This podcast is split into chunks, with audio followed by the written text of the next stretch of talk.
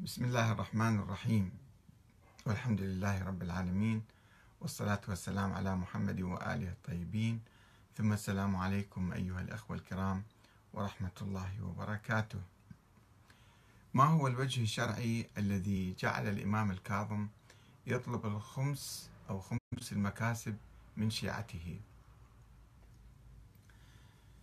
آه الأخ جليل الساعدي يطرح هذا السؤال. يقول السلام عليكم. سؤال محيرني بعد أن ثرت أو أثرت دفائن التراب عن عقولنا. ما هو الوجه الشرعي الذي جعل الإمام الكاظم يطلب خمس المكاسب من شيعته؟ مع العلم لم يفعل ذلك في زمن آبائه أحد يعني ولا في زمن النبي صلى الله عليه وآله. فهل هذا خروج عن المألوف وبداية عصر تشريعي جديد أم للإمام الحق في التشريع. وهذا خلاف آية الكمال.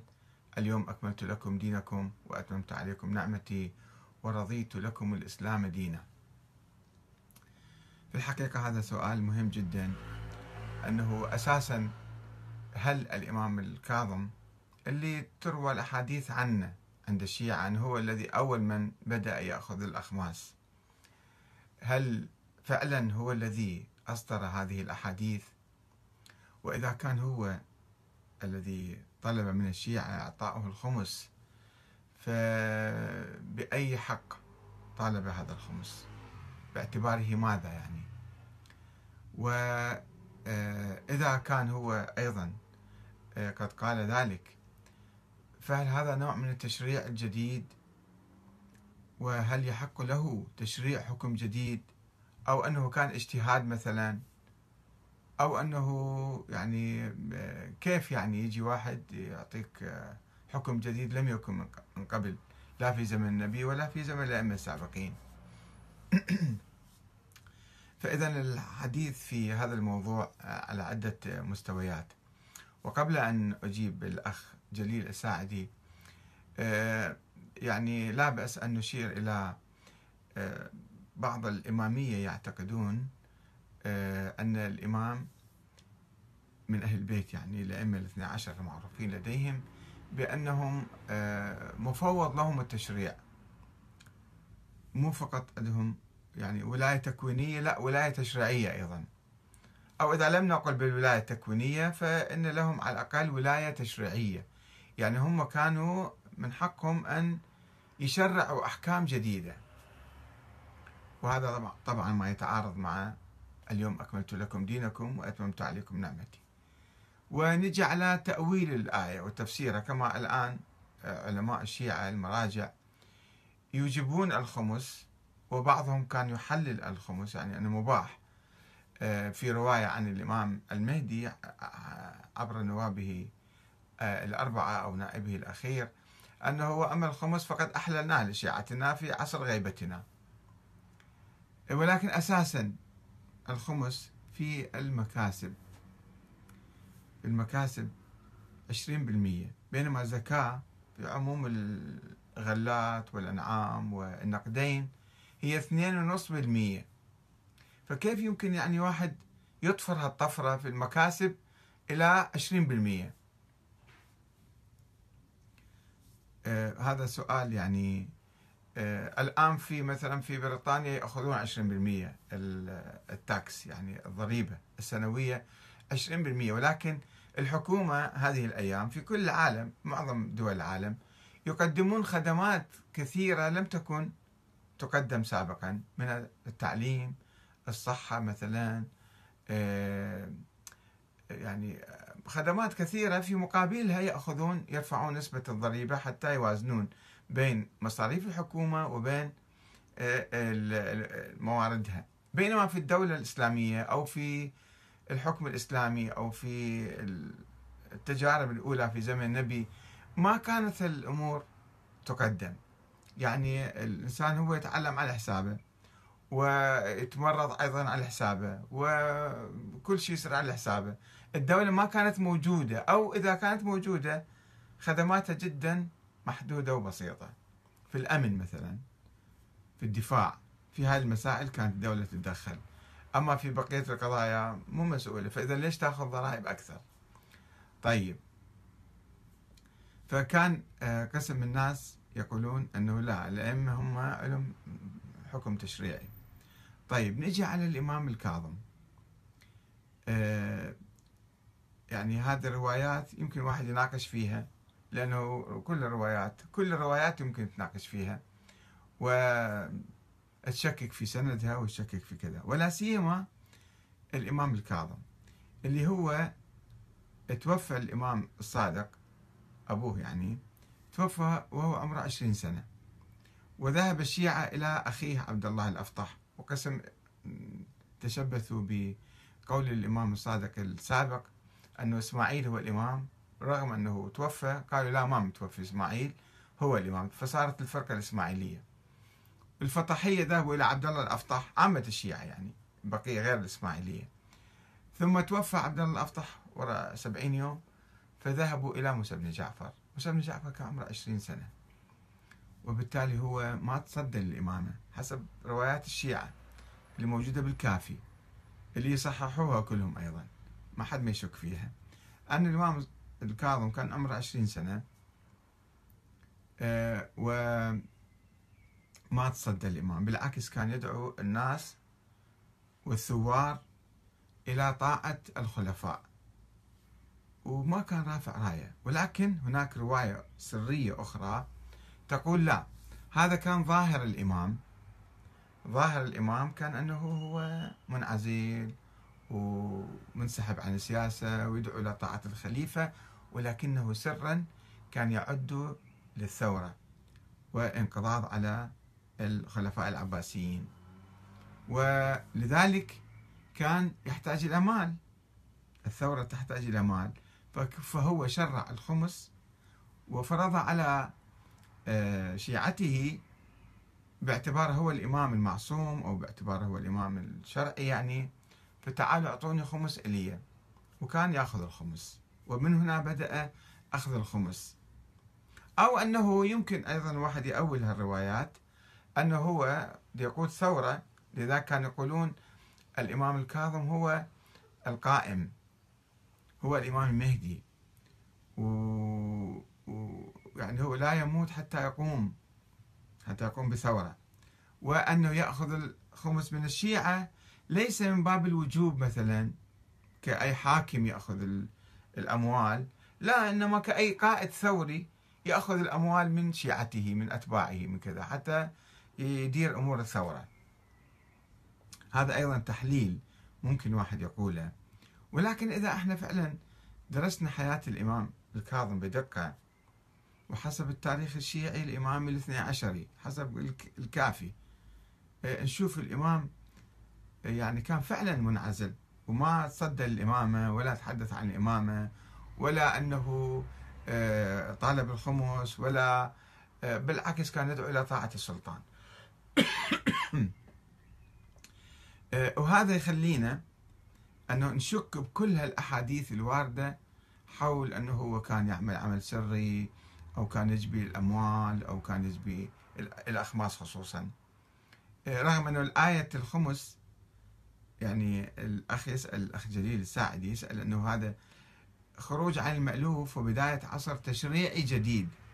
بينما الآية الخمس إذا إحنا قرأناها في سورة الأنفال واعلموا أن ما غنمتم من شيء فأن لله خمسه وللرسول ولذي القربى واليتامى والمساكين وابن السبيل. إن كنتم آمنتم بالله وما أنزلنا على عبدنا يوم الفرقان يوم التقى الجمعان. والله على كل شيء قدير. هذه الآية رقم 41 في سورة الأنفال. لو نقرأ قبلها ونقرأ بعدها نشوف جاية في غنائم الحرب. يعني آه، قل الذين كفروا وقاتلوهم حتى لا تكون فتنة وإن تولوا فاعلموا أن الله آه، مولاكم ونعم المولى نعم المولى ونعم النصير. وراها إذا أنتم بعد الآية مالت الخمس. إذ أنتم بالعدوة الدنيا وهم بالعدوة القصوى والركب أسفل منكم ولو تواعدتم لاختلفتم في الميعاد. يعني آية الخمس جاية في مغانم الحرب. لأن واحد يحصل مرة واحدة غنيمة كبيرة وبالتالي هذه الغنيمة يعني آه، آه، يأخذ آه، النبي كان يأخذ الخمس من من عندها ويعطيه الباقي يوزعها على المقاتلين. خلينا نشوف نقرأ سيرة الإمام موسى الكاظم من المصادر الشيعية ونشوف أنه هو موقف السياسي هل كان يصدر الإمامة؟ وهل كان يصدر للثورة حتى آه، يطالب بالخمس أساسا. ليش؟ إيش يسوي بالخمس يعني؟ الشيعة مثلا كانوا ب آه، بالآلاف أو بمئات الآلاف ذيك الأيام ياخذ الخمس ويجمعه وش يسوي به بعدين؟ هو مو حاكم مو إمام يعني مو يؤم الناس ويقود الناس ويحكم الناس. هو لم يكن يحكم الناس حتى عنده مصاريف ويحتاج يغطيها ويعطيها إلى الفقراء والمساكين وكذا. هو إنسان فرد عايش ومنعزل عن الحياة السياسية. فلماذا يأخذ الخمس أساسا؟ وهل من حقه أن يجي يشرع تشريع جديد؟ آية الخمس جاية في مغانم الحرب. هو يقول تعال أعطوني في مكاسبكم. المكاسب تخضع لي لماذا تخضع؟ للزكاة. يعني عندك دين لما يصير عنده يشتغل ويحصل فلوس إيش قد يصير عنده فلوس؟ هذه الأموال هي تسمى النقدين يعني الذهب والفضة كانت سابقا ويعطي خمسها آه، آه، آه، للإمام يعني الحاكم. الزكاه يعني. اعتزال الإمام الكاظم عن الإمامة. في الحقيقة إن الانتقال لقد كان الكاظم شابا يبلغ من العمر عشرين عاما عند وفاة والده الصادق وأخيه عبد الله اللي صار إمام بعد أبيه. ولم يكن يتمتع بنص معروف وواضح من أبيه عليه بالإمامة. ما ما عندنا أي نص من الإمام الصادق يقول موسى الكاظم بعد يصير إمام عليكم. إضافة إلى أنه لم يدعي الإمامة ولم يسعى إليها. وفضل الاعتزال والهدوء. هذا كما يقول الشيخ الصدوق في إكمال الدين صفحة 361 وكتاب الأمالي أيضا للشيخ الصدوق صفحة 338 والكليني في الكافي كتاب الحجة باب من ادعى الإمامة وليس لها أهل. حديث رقم 19 الإمام الكاظم شفتوا الصدوق والكليني يقولان أن الإمام فضل الاعتزال والهدوء ولم يسعى الإمامة بالرغم من الروايات التي ألفها بعض الإمامية حوله فيما بعد أنه لا كان يعني هو سرا يعمل من أجل الإمامة. وقد اعترف هشام بن سالم الجواليقي الذي أسس لإمامة الكاظم الدينية. هذا هو زعيم هاي الفرقة كان. بأن الأخير نفس اللي هو دعا للإمام قال بأن الإمام الكاظم لم يكن يجرؤ على الدعوة إلى نفسه أمام الملأ. وبصراحة وادعى هذا الجواليقي أن الكاظم كان يقوم بذلك سرا للتقية. كان إيه هذا يعني هاي نظرية التقية. كان كل شيء ينسبون. إمام معتزل يقول لا هو اللي يقود الثورة من تحت لتحت. هاي يسموه تقية. وكما تعرفون الغلاة والباطنية دائما يغلفون مقولاتهم الخاصة المتناقضة أو المناقضة لمواقف وأقوال الأئمة دائما يفسروها بالتقية ولكن سيرة الإمام الكاظم في السنوات التالية كشفت حقيقة دعوى الإمامية. من أمثال هشام بن سالم الجواليقي ومؤمن الطاق وأبي بصير حيث ظل الكاظم متمسكا بموقف الاعتزال السياسي. وحسب ما يقول الشيخ محمد بن علي الصدوق شيخ الطائفة الإمامية الاثنى عشرية في القرن الرابع الهجري فقد ظل الكاظم منعزلا وكاتما لأمره. هذا نص كلامه. وأن الشيعة لم تكن تختلف إليه. أصلا الشيعة ما لا كان يروحون يمه ولا كان يجون. وإنه كان يأمر الشيعة بطاعة السلاطين على كل حال. فإن كانوا عدولا فليسألوا الله إبقاءهم. إذا كانوا عدول يسأل الله يطول عمرهم. وإن كانوا جائرين فليسألوا الله صلاحهم. الله حتى. ما كان عنده فكر ثوري يدعو للتغيير ويدعو للثورة ويدعو إلى مثلا إسقاط النظام القائم. هذا أيضا صفحة ثلاثة. الصدوق إكمال الدين 361 والأماني 338 ومن هنا فقد انصرف عامة الشيعة لأنه ما كان عنده موقف ثوري ولا موقف قيادي وكان منعزل. فعامة الشيعة في زمنه انصرفوا آه، إلى الإمام عيسى بن زيد بن علي في فترة حكم المنصور لأنه الإمام الصادق توفى في زمان المنصور. سنة 145 آه، فالإمام عيسى بن زيد بن علي هذا صار هو إمام الشيعة وهو متوارم في العراق. كان متخفي لأنه كان عنده مشروع ثوري فمكان بصورة سرية يعني عايش. وبايعوه سرا بالإمامة. أنه هذا كان عنده اتصالات طبعا بالشيعة فبايعوه بالإمامة. هو صار إمام إمام عامة الشيعة. في عام 156 156 يعني بعد عشر سنوات من وفاة الكاظم تقريبا وجاءته بيعة الأهواز الشيعة اللي بالأهواز وواسط ومكة والمدينة وتهامة. وأثبت دعاته نشرهم يعني فبلغوا مصر والشام أيضا كان عنده شيعة هناك. واتفق مع أصحابه على الخروج بعد وفاة المنصور. أنه بس يموت المنصور شوية النظام يرتبك فأنا أخرج. فمات عيسى مسموما بسواد الكوفة سنة 166 في أيام الخليفة العباسي المهدي ابن المنصور بس ورا سنة يعني مات. فحمل الراية طيب هذا إمام كان ثوري وحامل راية الثورة ومات بالسر وهو مختفي. فحمل آه، فحمل الراية الإمام الحسين بن علي ابن الحسن المعروف بالمثلث. صاحب فخ معروف شهيد فخ الذي قام بثورة في المدينة سنة 169 يعني ورا ثلاث سنوات من وفاة ذاك في أيام الخليفة العباسي موسى الهادي الذي أمر واليه على المدينة بالتشديد على أهل البيت والتنكيل بهم وإلزامهم بالإقامة الجبرية. والعرض عليه يوميا.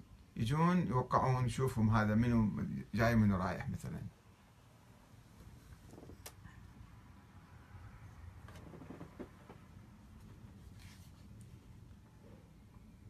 خشية خروج أحدهم أو قيامه بثورة. فاستولى الحسين قام بثورة فعلا. فاستولى الحسين صاحب فخ على المدينة. ودعا إلى كتاب الله وسنة رسوله وإلى الرضا من آل محمد. والعدل في الرعية والقسم بالسوية. وطلب شوفوا شوفوا العلاقة كيف كانت. هذا الإمام ثائر الآن من أهل البيت آه، الحسين شهيد فخ طلب من الكاظم المبايعة. قال له زين تعال أنت واحد من أهل البيت. تعال بايعني إلي. التحق وياي يعني. فاعتذر منه قائلا يا ابن العم لا تكلفني ما كلف ابن عمك محمد بن عبد الله ذي النفس الزكية عمك أبا عبد الله الصادق. فيخرج مني ما لا أريد. كما خرج من أبي أبي أبي عبد الله ما لم يكن يريد. عيفني اتركني بحالي أنت. فقال له الحسين إنما عرضت عليك أمرا فإن أردته دخلت فيه وإن كرهته لم أحملك عليه والله المستعان ثم ودعه. وبعدين قتل هذا شهيد فخ معروف. وبعد أن قتل الحسين صاحب فخ نريد نعرف موقف الإمام الكاظم العام. هل كان يعني يشتغل بالسياسة بالثورة يعني عنده يقود الشيعة أو كان ناس آخرين يقودون الشيعة ويقودون الثورات وهو كان منعزل. فبعد ما قتل الحسين بن فخ هذا آه، حمل الإمام يحيى بن عبد الله ابن الحسن. هذا الإمام الثالث في حياة موسى الكاظم. واحد مات مسموم وشهيد فخ قتل فحمل راية من؟ هو الإمام يحيى بن عبد الله. راية الثورة على الخليفة العباسي هارون الرشيد. فطلب من موسى بن جعفر أيضا مثل ما طلب ذاك السابق أن ينصره. قال تعال أنت على الأقل شوي عندك كلمة مثلا عند الناس أو شيء محترم. تعال ساعدني انصرني. ولما رفض أيضا رفض الإمام الكاظم رفض إليه يستنكر عليه كتب إليه يستنكر عليه خذلانه وقال له أنت شنو؟ ما تفيد أي شيء يعني ما تساعدنا ما تنصرنا.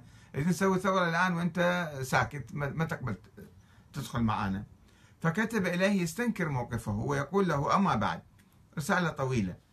خبرني من آه، خبرني من ورد علي من أعوان الله على دينه ونشر طاعته بما كان من تحننك مع خذلانك. يعني أنت متعاطف ويانا بس ما تجي تساعدنا. وقد شاورت في الدعوة إلى الرضا من آل محمد. وقد احتجبتها واحتجبها أبوك من قبل. أنتم دائما ضد الثورة. وقديما ادعيتم ما ليس لكم. تقولون إحنا الإمامة إلنا بس وما تجون ما تجون تشاركون في الأعمال الثورية. وبسطتم آمالكم إلى ما إلى ما لم يعطكم الله. تدعون مناصب الله ما معطيكم إياها. فاستهويتم وأضللتم. وأنا محذرك ما حذرك الله من نفسه. يعني شوفوا الموقف هذا القائد الشيعي الإمام الشيعي من الإمام موسى الكاظم. فكتب إليه الكاظم من موسى ابن أبي عبد الله إلى يحيى ابن عبد الله ابن الحسن. أما بعد فإني أحذرك الله ونفسي وأعلمك أليم عذابه وشديد عقابه وتكامل نقماته وأوصيك ونفسي بتقوى الله. فإنها زين الكلام. وتثبيت النعم. أتاني كتابك؟ تذكر فيه أني مدع وأبي من قبل. يدعي مناصب أدنى بالإمامة يعني. وما سمعت ذلك مني. قال أنت منين؟ الكلام أنا ما ما قايله. ما سمعت ذلك مني. وستكتب شهادتهم ويسألون.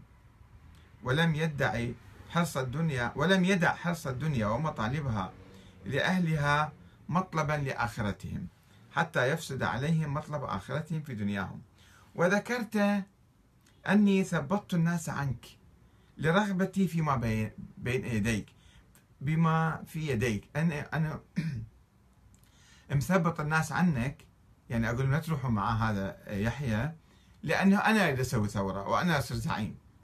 وما منعني من مدخلك الذي أنت فيه لو كنت راغبا ضعف أو ضعف عن سنة. أنا ما ما, ما أفكر بالزعامة وبالقيادة. ما يمنعني يعني.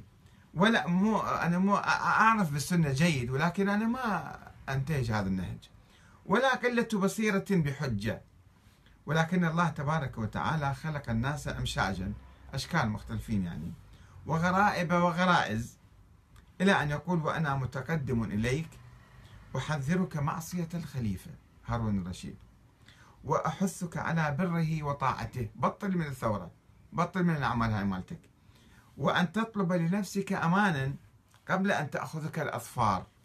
مشوك ويقتلوك. ويلزمك الخناق من كل مكان. تتروح إلى النفس من كل مكان ولا تجده. حتى يمن الله عليك بمنه وفضله. وركة الخليفة أبقاه الله. فيؤمنك ويرحمك ويحفظ فيك أرحام رسول الله صلى الله عليه وآله والسلام على من اتبع الهدى. إنا قد أوحي إلينا أن العذاب على من كذب وتولى. هنا رسالة مفصلة يذكرها من؟ الكليني. في كتاب الكافي كتاب الحجة. باب من ادعى الإمامة وليس لها بأهل. حديث رقم 19 ولكن آه، يعني جماعتنا المتأخرين الذين كانوا يحاولون تصوير الأئمة كلهم ثوريين وكلهم يعني مناهضين آه، وهم يدعون الإمامة فكانوا يقولون هاي الرسالة يعني للتغطية أو هاي الرسالة مثلا إذا وقعت بيد الخليفة بالمخابرات فراح يبرئ نفسه وبالتالي راح يعني يبين أنه هو مو مع هذه الثورة. نعم. و ولكن إحنا أخذنا الظاهر إنه هو ذاك قال له تعال انصرني وما نصره ليش انت قاعد تخذل الناس عني؟ فمعناته إنه كان موقفه مضاد لثورة الإمام يحيى بن عبد الله. وإذا شفنا إحنا أولاد الإمام الكاظم معظمهم كان عنده ما شاء الله أولاد كثيرين يعني انتماء معظم أبنائه إلى الخط الزيدي. أو التشيع السياسي العلوي آه، اللي التحقوا حتى بثورة محمد بن طباطبا بعدين في سنة 199 بعد وفاته طبعا. وأخوه الإمام أخوه محمد بن جعفر الصادق أيضا عمل ثورة سنة 199 في الحجاز في المدينة وسيطر على مكة والمدينة وقال أنا أمير المؤمنين. فما كان الفكر الإمامي موجود عند أهل البيت. لا عند أبناء الإمام الصادق ولا عند أبناء الإمام الكاظم. وهو نفس الإمام الكاظم كان منعزل ومو كان مع الثورة ومو كان مع ال... إنما لماذا اعتقل؟ ولماذا اعتقله هارون رشيد سبع سنوات في السجن؟ لأنه وشاية أجته وشاية من المنافسين إلى الخط الإسماعيلي كان عدة خطوط ذيك الأيام عدة أحزاب يعني. الحزب الزيدي الحسني وأيضا الحزب الإسماعيلي صار منافس له ويقال أن ابن محمد محمد ابن إسماعيل ذهب إلى هارون الرشيد وسلم عليه السلام عليك ولم يقل له السلام عليك يا أمير المؤمنين. لم يسلم عليه بأمرة المؤمنين. فهارون الرشيد تعجب وقال شنو القصة؟ ليش بيسلم علي؟